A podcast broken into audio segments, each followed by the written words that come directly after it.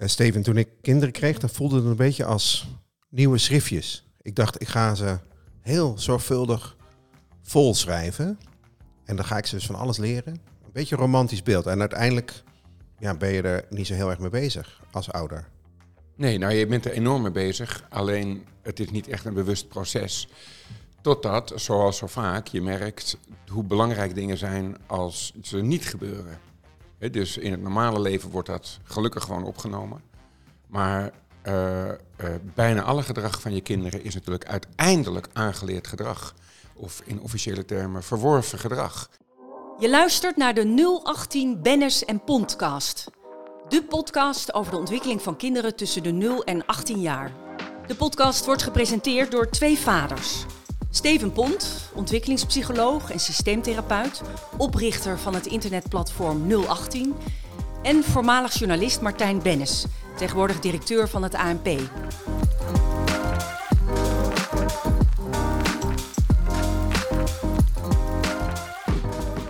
Jij bent, jij bent eh, ontwikkelingspsycholoog, dus je was je waarschijnlijk altijd heel erg bewust van je, van je rol. Hè? en, eh, als je dat nou naar je eigen vaderschap terugbrengt, was je dan heel erg bezig met je kinderen op een zorgvuldige manier dingen leren? Nee, dat viel wel mee. Ook omdat ik wist dat het gewoon in het normale bestaan het, de dingen worden geleerd. Weliswaar via allerlei kanalen. En je kunt daar dus wel uh, bewust van zijn. Hè? Dus ik vind bijvoorbeeld ervaringsleren, daar gaan we het nog over hebben, een enorm belangrijk. Dus dat dingen je niet worden verteld, maar dat je wordt toegestaan te ervaren. Nou, en daar, daar was ik wel mee bezig, ja. En uh, heb jij nog een quote gevonden over leren? Ja, um, Galileo Galilei, eh, de man die ons geleerd heeft uh, dat uh, de aarde om de zon draait en niet andersom. maar die heeft ook iets gezegd over het fenomeen leren. Je kan een mens niets leren, je kan hem alleen helpen het zelf te ontdekken in zichzelf. Oké. Dus dat zou betekenen dat wij al wisten dat de aarde om de zon draait en niet andersom. Ja, Want dat heeft hij ons geleerd. Dat is zo. Ik denk dus dat het gaat over het leerproces. Daarom heb ik hem uitgekozen. Uh, dus Galileo zegt dus eigenlijk van ja, je kan hooguit iemand een duwtje geven. En niet, je kan het niet volschrijven zoals ik net dacht. Hè? Dus, uh, maar iemand leren schrijven wellicht. Ja. Nou, genoeg materiaal om het over te hebben lijkt me. Nou, dan meteen de grote vraag. Hè? Dus uh, wat, wat is leren? Waar hebben we het eigenlijk over vanuit jouw vak ja. gezien? Nou, als je het even heel praktisch maakt, je maakt dingen mee in het leven en die sla je op in je korte termijn geheugen. In je korte termijn geheugen vergelijk dat met de dingen die in je lange termijn geheugen staan. En als die dan anders zijn, dan uh, heb je iets geleerd van iets wat je nog niet wist. Maar ook als het hetzelfde is, dan heb je iets geleerd, namelijk dat je mentale beeld van de wereld klopt. Dus als ik het even stel, je hebt een uh, vader die uh, heeft altijd witte overhemden aan, dan leer jij overhemden zijn wit. En dan komt je oom op bezoek en die heeft een blauwe overhemd aan. En dan denk je, hè? Maar, oh, er zijn dus ook blauwe overhemden. Nou, en zo leer je langzamerhand, het, uh, omdat het niet met een eerder beeld klopt, pas je dat beeld van de wereld aan. Nou, en dan heb je iets over de wereld geleerd. Maar de kern daarvan is natuurlijk wel dat je allerlei dingen moet ervaren. Je moet dingen zien, je moet dingen ruiken, je moet dingen proeven. dus daarom heb je de zintuigen gekregen om uiteindelijk de buitenwereld, zou je kunnen zeggen, de binnenwereld te maken. Nou, en dus ben je constant bezig van, hé, hey, klopt wat ik daar buiten zie met het beeld dat ik in mijn hoofd heb? En, en dat zou je leren uh, uh, kunnen noemen. Dus dat gaat veel verder. Ook toen wij deze podcast uh, bedachten. Zo oké, dus uh, een van de dingen waar we ook in de titel die we aan deze podcast gaan geven over na moeten denken. Dat als je vraagt hoe leren kinderen, dat mensen denken onmiddellijk aan rekenen en taal en aardrijkskunde. Terwijl we schoolse leren is maar een heel, heel, heel, heel beperkt onderdeel van wat leren uh, eigenlijk is. Dat is educatie. En educatie is een onderdeeltje van leren. Maar we doen het al, hè, als je even kijkt hoe oud de Homo sapiens is, zo'n 200.000 jaar, doen we het de paar, laatste paar honderd jaar met educatie. Maar we doen het natuurlijk al bijna 200.000 jaar met leren. Waarbij de vraag stonden we heel lang van die 200.000 jaar ook een beetje stil. Uh, maar dat is wellicht iets voor een ander moment hè, om het te hebben over het onderwijssysteem. Jij noemde net ook het woord ervaren. Ja. Is dat de kern van leren? Dat is uh, wat mij betreft, uh, ja, dat is de kern van leren. Je kunt niet iets leren als je niet iets ervaart. Als je niet iets de buiten, van de buitenwereld via een ervaring de, de binnenwereld binnenkomt. En daar dat vergelijkingsproces dus plaatsvindt. En dat is, hè, dus we leren, denk ja, natuurlijk leren. Leren is onwaarschijnlijk ingewikkeld, veel ingewikkelder. Hè. Dus ik hoorde laatst iemand vertellen dat bijvoorbeeld om een om een computer te leren wat een deur is, dat dat bijna niet te doen is. Terwijl elke 4, 5, 6, 12-jarige, die, die weet dat. Hè? Dus zegt van nou een deur, ja, dat brengt je naar een andere ruimte. Zeg maar wat. Oké, dus als je een deur plaatst voor een blinde muur, is het dan geen deur meer. Oh ja, dan is het nog steeds een deur. Dus dat klopt dan niet. Of het heeft scharnieren. Oh ja, nou, maar goed, dan heb je een schuifdeur. Oké, dus hij kan ook schuiven. Oh, maar hij kan ook draaien. Het zijn allemaal deuren. Wij denken er niet eens over na. Maar het is dus allemaal. Uh, zo ben je niet geboren. dat is allemaal tot je gekomen. Uh, dus die leerprocessen zijn onwaarschijnlijk ingewikkeld. Dus dat even ten eerste dat het niet een eenvoudig onderwerp is. Het gaat eigenlijk over concepten, hè? als je het over zo'n deur hebt. En een concept is, is niet eenduidig. In, bepaald niet eenduidig. dus oké, dat heeft een handvat. Maar goed, ja, een draaideur. Weer, begrijp je? Dus het is ja. Het blijkt heel ingewikkeld. Als we dan geboren worden, hè, dan een, zijn we dan een onbeschreven blad. Dus wat, wat, wat, is je, wat weet je wel al? Wat is je startkapitaal als je geboren wordt? Ja, startkapitaal is natuurlijk dat, dat je kunt leren. Dus dat je, uh, dat je die vaardigheid hebt om dingen uh, te leren. En heel veel dingen, en daar komen we eigenlijk in onderzoek steeds meer achter, zijn in hele kleine vorm eigenlijk al aanwezig. Dus uh, je zou het het waakvlammetje kunnen noemen. Dus je ziet het ook als je een pasgeboren baby vasthoudt, maar je zet zijn voeten op tafel, dan heeft hij een loopreflex. Zeg je dan, oh, die baby kan dus al lopen. Zeg nee, maar er staat een waakvlammetje waar de ontwikkeling op voort kan bouwen. En dat, dat moet wel, daar gaat nogal wat water door de Rijn voordat een kind kan lopen. Maar het waakvlammetje is er al. En dat zien we op heel veel gebieden. Dus ook op het gebied van de gewetensontwikkeling. Ook hele jonge kinderen hebben al een waakvlammetje van wat we ook de theory of mind noemen. Hè, dus dat je je kunt verplaatsen in anderen. Dat is eigenlijk op een heel klein waakvlammetje, al een heel klein beetje aanwezig. Maar dat wordt pas op twee, driejarige leeftijd volledig aangezet. En dan wordt het echt leren. Net zo goed als die, die loopreflex is al aanwezig. Maar het echte leren gebeurt pas rond 11, 12, 13, 14 maanden. Nou, en zo zou je kunnen zeggen dat van heel veel dingen die kinderen moeten leren, hè, dus wat is nou dat basiskapitaal, is dat er een enorme mogelijkheid tot leren ligt, maar die moeten wel worden aangezet door de ervaringen die je van je omgeving, oftewel het systeem even in, in, in, in officiële termen, dat je die krijgt. En we hebben wat reflexen, hè? dat onderscheidt ons dat van dieren, dat wij voorbij die reflexen gaan. Als we, ja. en we kunnen, als we net geboren zijn, wel, wel aan de borst zuigen. Ja. Daar hoef je niks voor te leren. Loopreflex. Die loopreflex. Ja. Uh, maar dat heeft dus eigenlijk niks met leren te maken. Dat is er ergens in een. Ja, dus je hebt het, het aangeboren gedrag. en bij dieren is dat het instinct. dus als je het gedrag van dieren wil snappen, dan komt dat omdat ze dat instinct hebben. En daarom, meer dan mensen, lijken dieren ook meer op elkaar. dus de ene hamster lijkt erg veel op de andere hamster. En dan ken jij de hamster niet. Dan ken jij de hamster. ken ik al zeker alle hamsters niet. Maar die, uh, hun gedrag komt eigenlijk uit hetzelfde bronnetje, namelijk dat is dat instinct.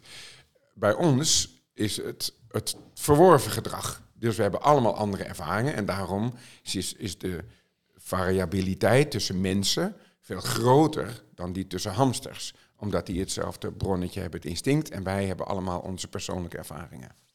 Zijn er dan ook zaken die we niet hoeven te leren? Ja, uh, knipperen met je ogen, dat je ademhaalt. Hè, dus uh, dat komt allemaal uit hele diepe delen van de hersenen. En dat, uh, het, waar wordt het automatisch allemaal geregeld. Dat hoef je niet te leren, gelukkig.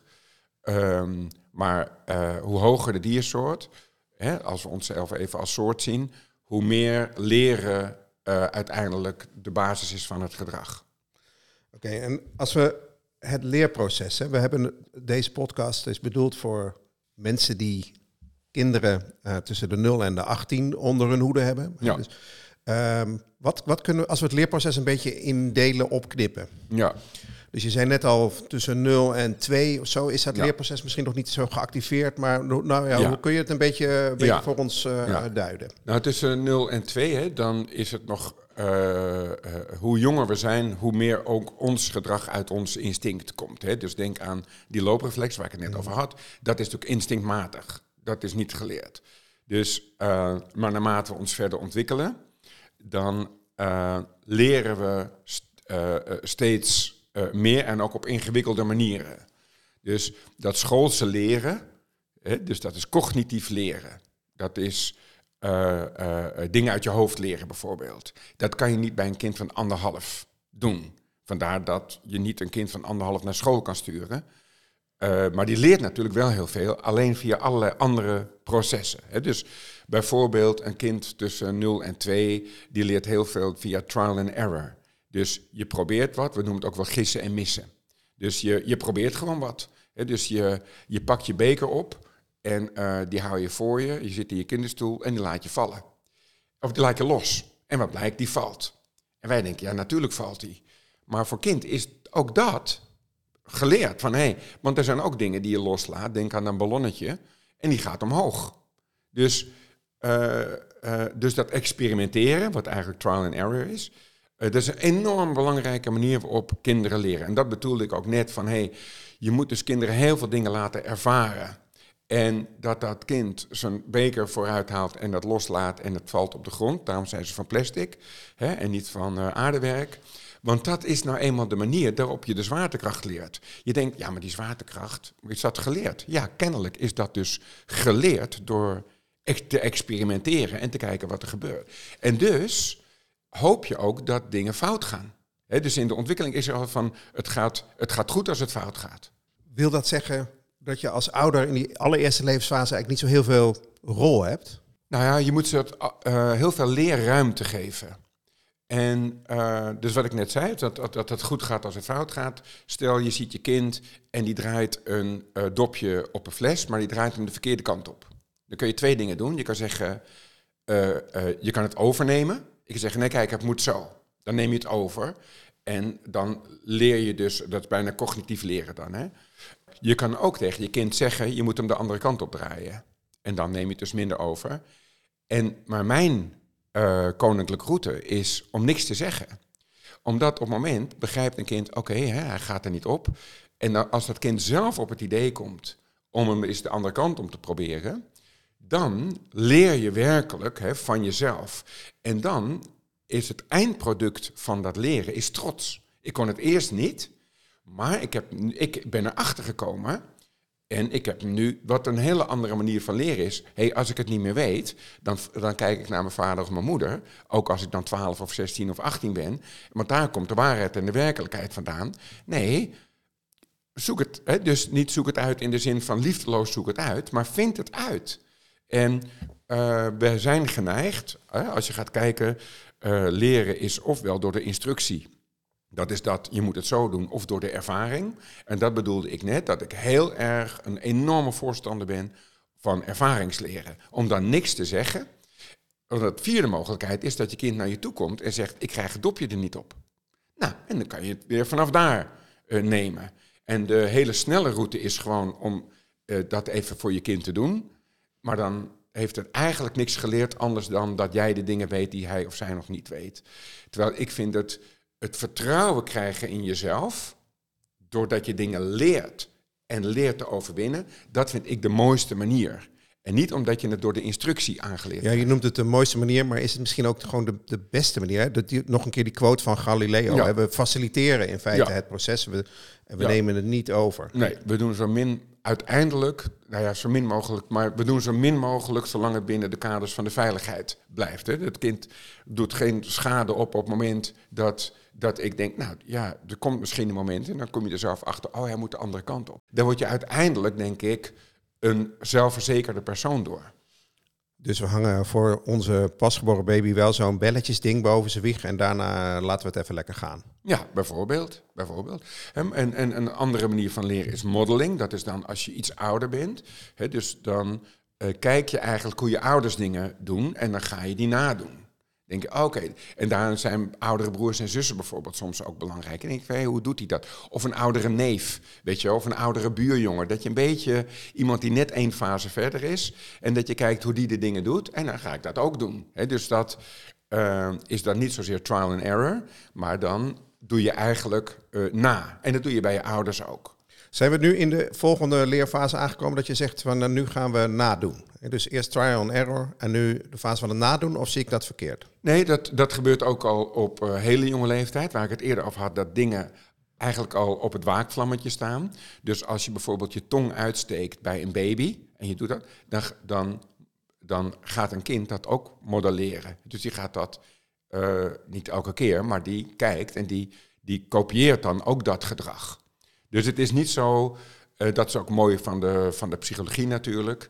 Er zit een soort beweging in, maar het is heel moeilijk om een soort hele vaste. Er zitten allerlei overgangsfasen in, dingen spelen tegelijkertijd. En dus daarom is dat leren zo onwaarschijnlijk ingewikkeld.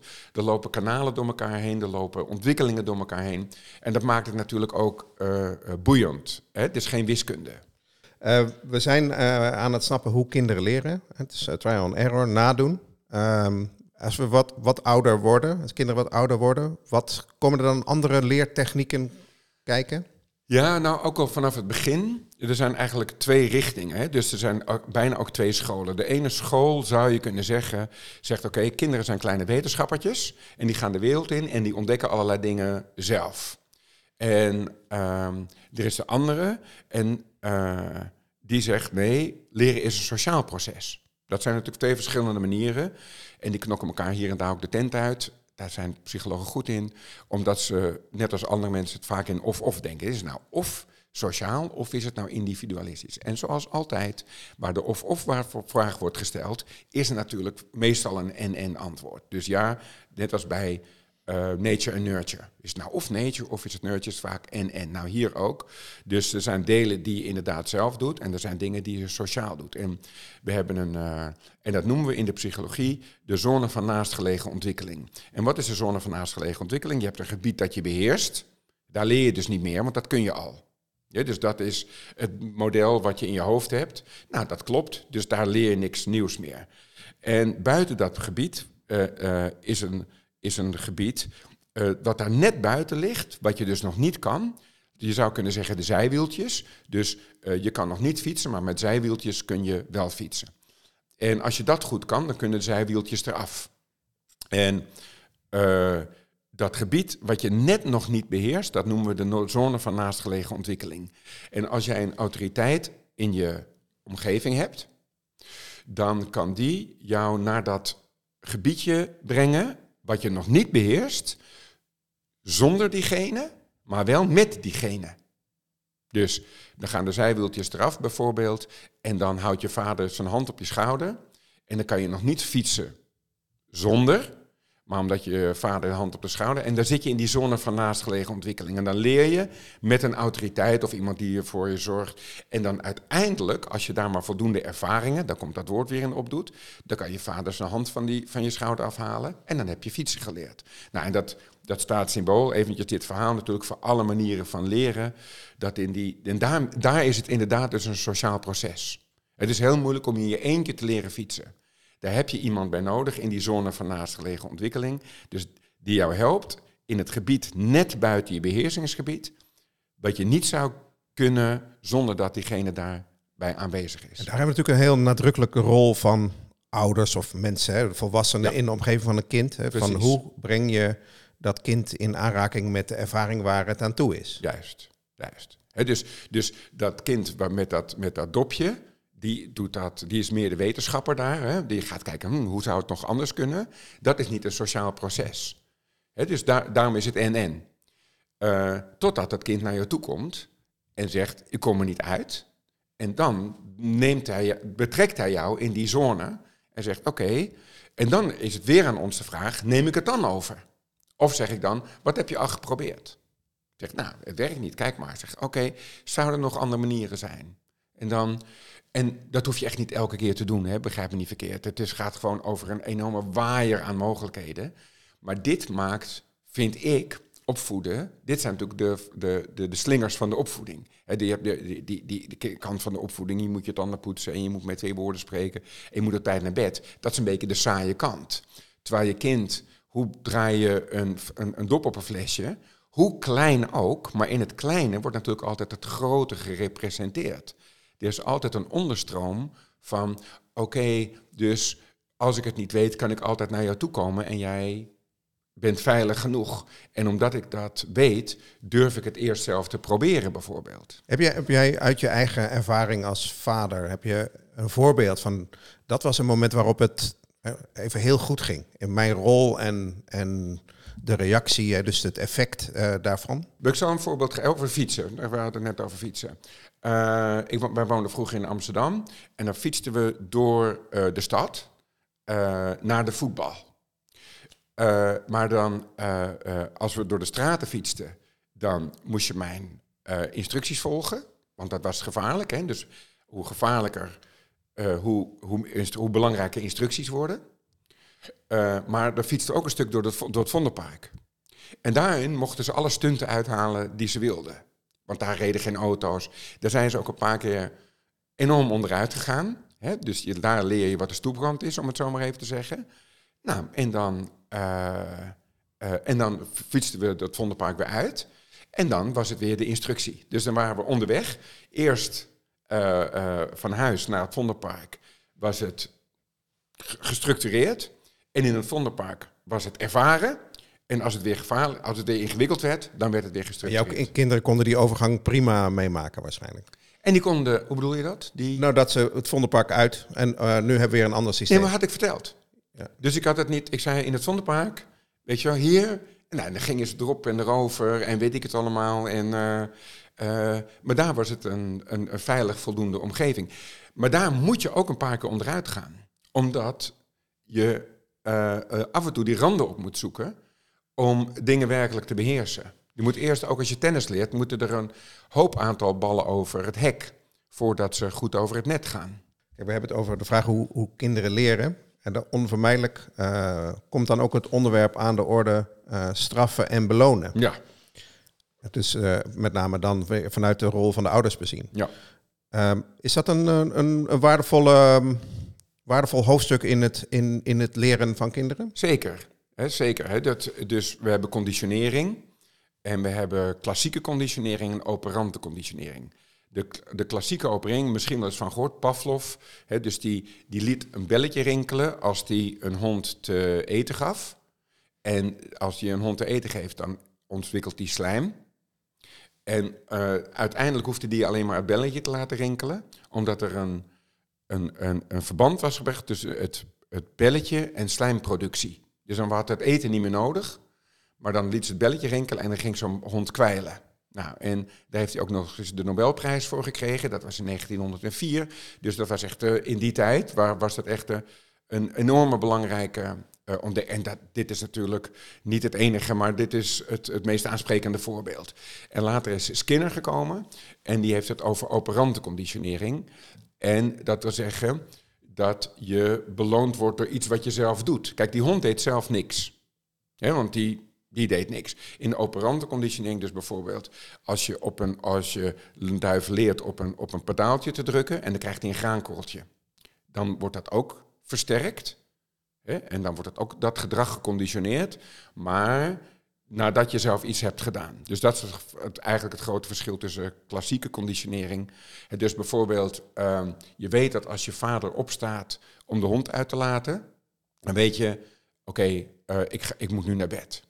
He, want dat, die hebt dan die, dat verband gelegd. Dus dat je vader opstaat om de hond uit te laten, dat is dan het belletje. En dan weet je, oké, dus dat is het volgende programma, punt. En in oper, uh, operante conditionering, waarin je veel meer een rol hebt, dan weet je, oh, oh ik heb nu echt te veel lawaai gemaakt. Hè, dus nu komt mijn moeder zo naar boven om uh, me weer een beetje te kalmeren, bij wijze van spreken. Dus je ziet die, die twee conditioneringen. Dus, uh, uh, en dat is wel een verschil tussen hond, honden en katten en mensen. Dus we, we, een hoop van wat kinderen leren gebeurt via die conditionering. Alleen we hebben nog een ander kanaal en dat is inzicht. Dus je zou kunnen zeggen, honden richten we af. Dat is conditioneren, belonen en straffen. Maar kinderen voeden we op. Omdat we ook het inzichtskanaal hebben. En dat hebben we bij onze honden en katten nu eenmaal niet. Jij, jij hebt een kat hier rondlopen. Die kan je niet op inzicht dingen leren. Dus hoe heb je die ooit op de bak gekregen bijvoorbeeld? Ja, daar hebben we volgens mij helemaal niks aan gedaan, behalve die bak eh, daar neergezet. Oké. Oké. Dus nou ja, hoe katten leren, dat is super Maar je, je kunt je voorstellen dat als je een kat dat wil leren, dat je dan wat lekkers in die bak legt. Hè, dus, dus dan wordt hij en dan gaat hij uiteindelijk, snapt hij dat iets met die bak, die is voor mij. Nou, en dan kennelijk, eh, ik geloof dat katten ook graag steeds op dezelfde plaats eh, poepen en plassen. Dus, eh, maar goed, ik ben niet zo goed in de katkunde, maar er zal een reden zijn waarom die, die katten dat daar doen. Ja. Dat is geconditioneerd. Ja. Maar goed, naar kinderen. Hè? Dus als Ja. wij eh, kinderen iets willen leren, eh, is het dan een goed idee om daar een, een beloning voor in het vooruitzicht te stellen? Ja, maar je moet ook wel oppassen omdat er iets kan optreden en dat noemen we ook wel beloningsverslaving. En beloningsverslaving is dus dat je het niet meer doet omdat het leuk is, hè, of omdat je, de, eh, omdat je iets hebt overwonnen, dat je iets hebt geleerd, maar dat je dingen gaat doen voor de beloning. Als de beloning dan wegvalt, dan stop je ook daarmee. Dus dat is onderzoek geweest, hè, dus je laat mensen een taakje doen en je beloont ze. Of je beloont ze niet. En dus vraag je achteraf, hoe, vond je, hoe leuk vond je het nou om te doen? En mensen die betaald zijn, die vonden dat minder leuk, hoewel ze iets hadden overwonnen. Hè, want die dachten, ja, ik heb het voor het geld gedaan. Ik heb het voor de beloning gedaan. Dus ik vond de beloning leuk. Maar in welke omstandigheden is het een goed idee om een beloning te geven aan een kind? Met name op de momenten dat je ziet eh, dat ze ergens moeite voor hebben gedaan. Dus eh, als een kind heeft een tekening gemaakt, kan je zeggen, jeetje, wat een mooie tekening. Maar je kan ook zeggen, weet je, ik, heb je, ik kwam af en toe langs, je hebt gewoon een half uur geconcentreerd aan deze tekening gezeten. Dat, ja, was mooi, mooi.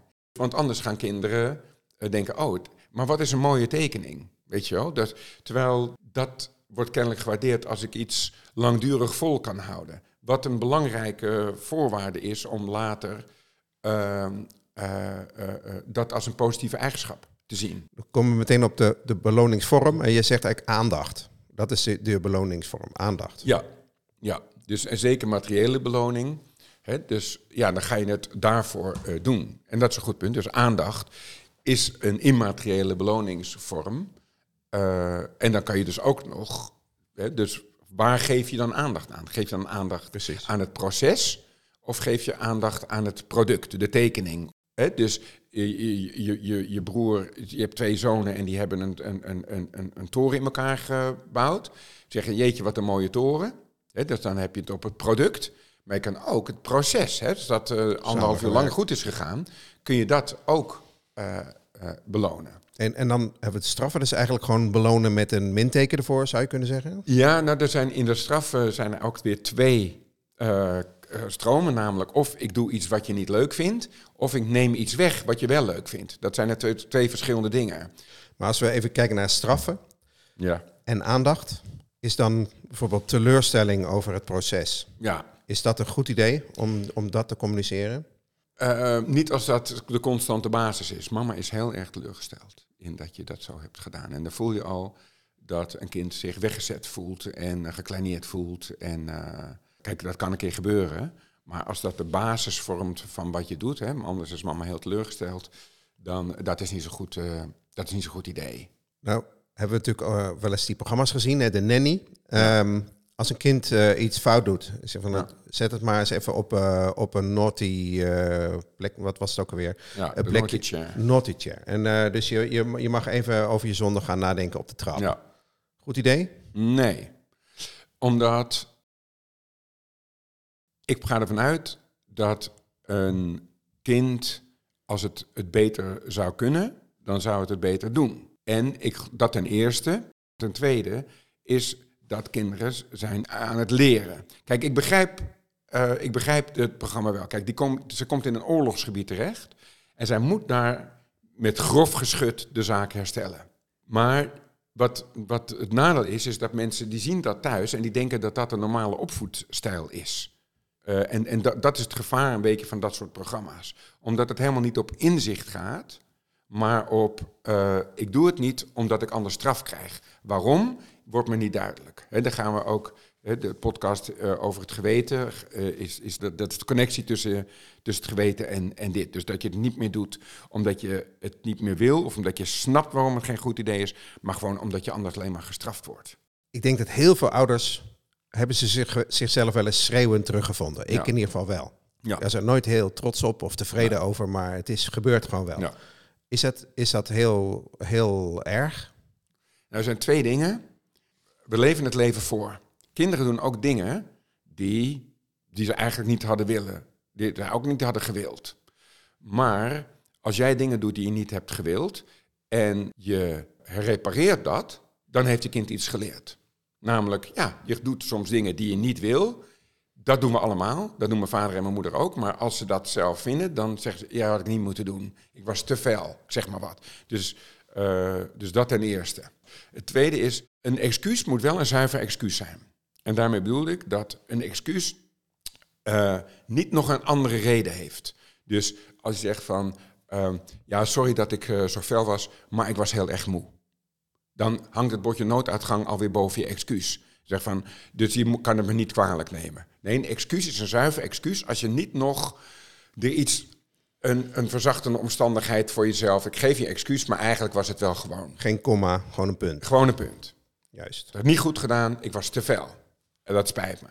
Het tweede is dat op het moment dat het incidenten zijn, is het wat anders dan dat het een patroon is. Dus zodra dingen, dit soort dingen een patroon worden, dan wordt het ingewikkelder, omdat kinderen zich tot dat patroon gaan verhouden. Daar gaan we ook nog een podcast aan wijden, maar het is goed om daar nu eventjes eh, alvast een ankaarder toe te geven. Dus eh, je hebt patroon, patroonmatig gedrag en incidenteel. Nou, incident overleef je wel in psychosociale zin, maar zodra dingen zich in patronen gaan vormen, dan ga je jezelf daar natuurlijk ook naar vormen. En het derde wat je je af kunt vragen is van, hé, hey, waarom, wat triggerde mij nou eigenlijk? Wat was, nou zo, wat was er nou eigenlijk zo verschrikkelijk? En gaat datgene wat ik, waar ik daarop reageerde, gaat dat meer iets over mijzelf dan over wat er daar gebeurde? Dus bijvoorbeeld, eh, je bent de het jongste broertje zelf als volwassen man. En je bent een beetje overheerst door je oudere broer in je jonge jaren. En je ziet dat voor je ogen gebeuren bij je eigen twee zonen. Dat je denkt, oh, zie je mijn oudste overheerst nu mijn jongste. Dan heb je maar heel weinig daarvan nodig en dan flip je. Maar dat gaat niet over wat er in de woonkamer gebeurt. Dat gaat er over wat er in jouw brein gebeurt. Naar aanleiding van datgene wat je als mentaal werkmodel vroeger hebt gemaakt. Nou, en dan is het ook goed om te bedenken, hé, hey, waar, waar, waar ging deze reactie nou eigenlijk over? Ging dat nou over wat er daar gebeurde of ging het over iets wat er in mij gebeurde? Het geeft ook wel aan hoeveel, ja, hoeveel inzicht in jezelf nodig is om een goede opvoeder te zijn. Ja, omdat je anders de neiging hebt, hè, dus dan krijg je processen die door alle generaties worden doorgegeven, omdat je die kinderen ook weer in dat model uh, groot laat uh, uh, worden. Even een hele simpele vraag. Dus, uh, dat is waarschijnlijk een simpele vraag en een moeilijk antwoord. Maar er komen ouders bij jou en die hebben hetzelfde gevoel als ik. Namelijk, we krijgen kinderen en we, hebben, we willen het graag heel goed doen. Ja. Uh, heb jij voor ons uh, drie, drie zaken waar we echt op moeten letten? Ja. Kan je daar wat mee? Zeker. Het eerste is, ga ervan uit dat dingen fout gaan. Hè? Maar alleen het woord fout klopt niet. Omdat als er iets fout gaat, op dat moment wordt er geleerd. Dus er gaan onwaarschijnlijk veel dingen uh, fout, maar die worden je niet persoonlijk aangedaan. Dus ouders die hebben vaak het idee van, van de alle gedragskeuzes die je had, heb je deze gekozen. En uh, om mij te kwetsen. er, sorry? Om mij te kwetsen. Of, of, ja, of omdat je dat expres, of om mij te kwetsen, of dat je dat expres deed. Het is vaak natuurlijk onkunde eerder dan onwil. Ik heb gewoon nog niet alle vaardigheden, want ik ben namelijk gewoon een meisje van zeven. Of ben een, jongen van dertien. Die, ik moet het leven leren. Dus uh, je hebt recht dan op, op volwassen weerstand, wat wat anders is dan woede of ergernis. Het tweede is, geef je kind voldoende leerruimte. Dus neem dingen niet over. Wees niet te bang dat als dingen fout gaan, maar ze gaan op een gecontroleerde manier fout. Hè, dus je ziet je kind is iets aan het bouwen en je weet, ja, dat, dat stort over twee minuten in. Nou ja, dan stort het over twee minuten in. Maar gaat er dan niet naartoe? Nou, dan stort het in. En dan eh, eh, ga je bedenken, oké, dus nou, dan heeft dat kind wat geleerd over constructief leren. Want er zijn ook onwaarschijnlijk veel manieren van leren. Hè. Dus we hebben het nu plotseling over constructief leren. De constructie leren moet ik eigenlijk zeggen. En dat is dat je leert hoe dingen in de, in de fysieke wereld eigenlijk in elkaar zitten. Dat is ook weer een manier van leren. Net als rollenspel is weer een andere manier van leren. Van ik was de vader en jij was de moeder. En dan leren we via het rollenspel. En uh, ten derde uh, is... Uh, kinderen zijn geen computers. Dus als je denkt, ja, maar ik heb het je al verteld dat is, als je een computer één keer iets vertelt, dan zit het in die computer. En dan hoef je het niet nog een keer te doen. Kinderen zijn geen computers. Je hebt het een keer verteld. Denk, oh ja, sorry. En dan gaat de volgende keer weer mis. En weer mis. En weer mis. En weer mis.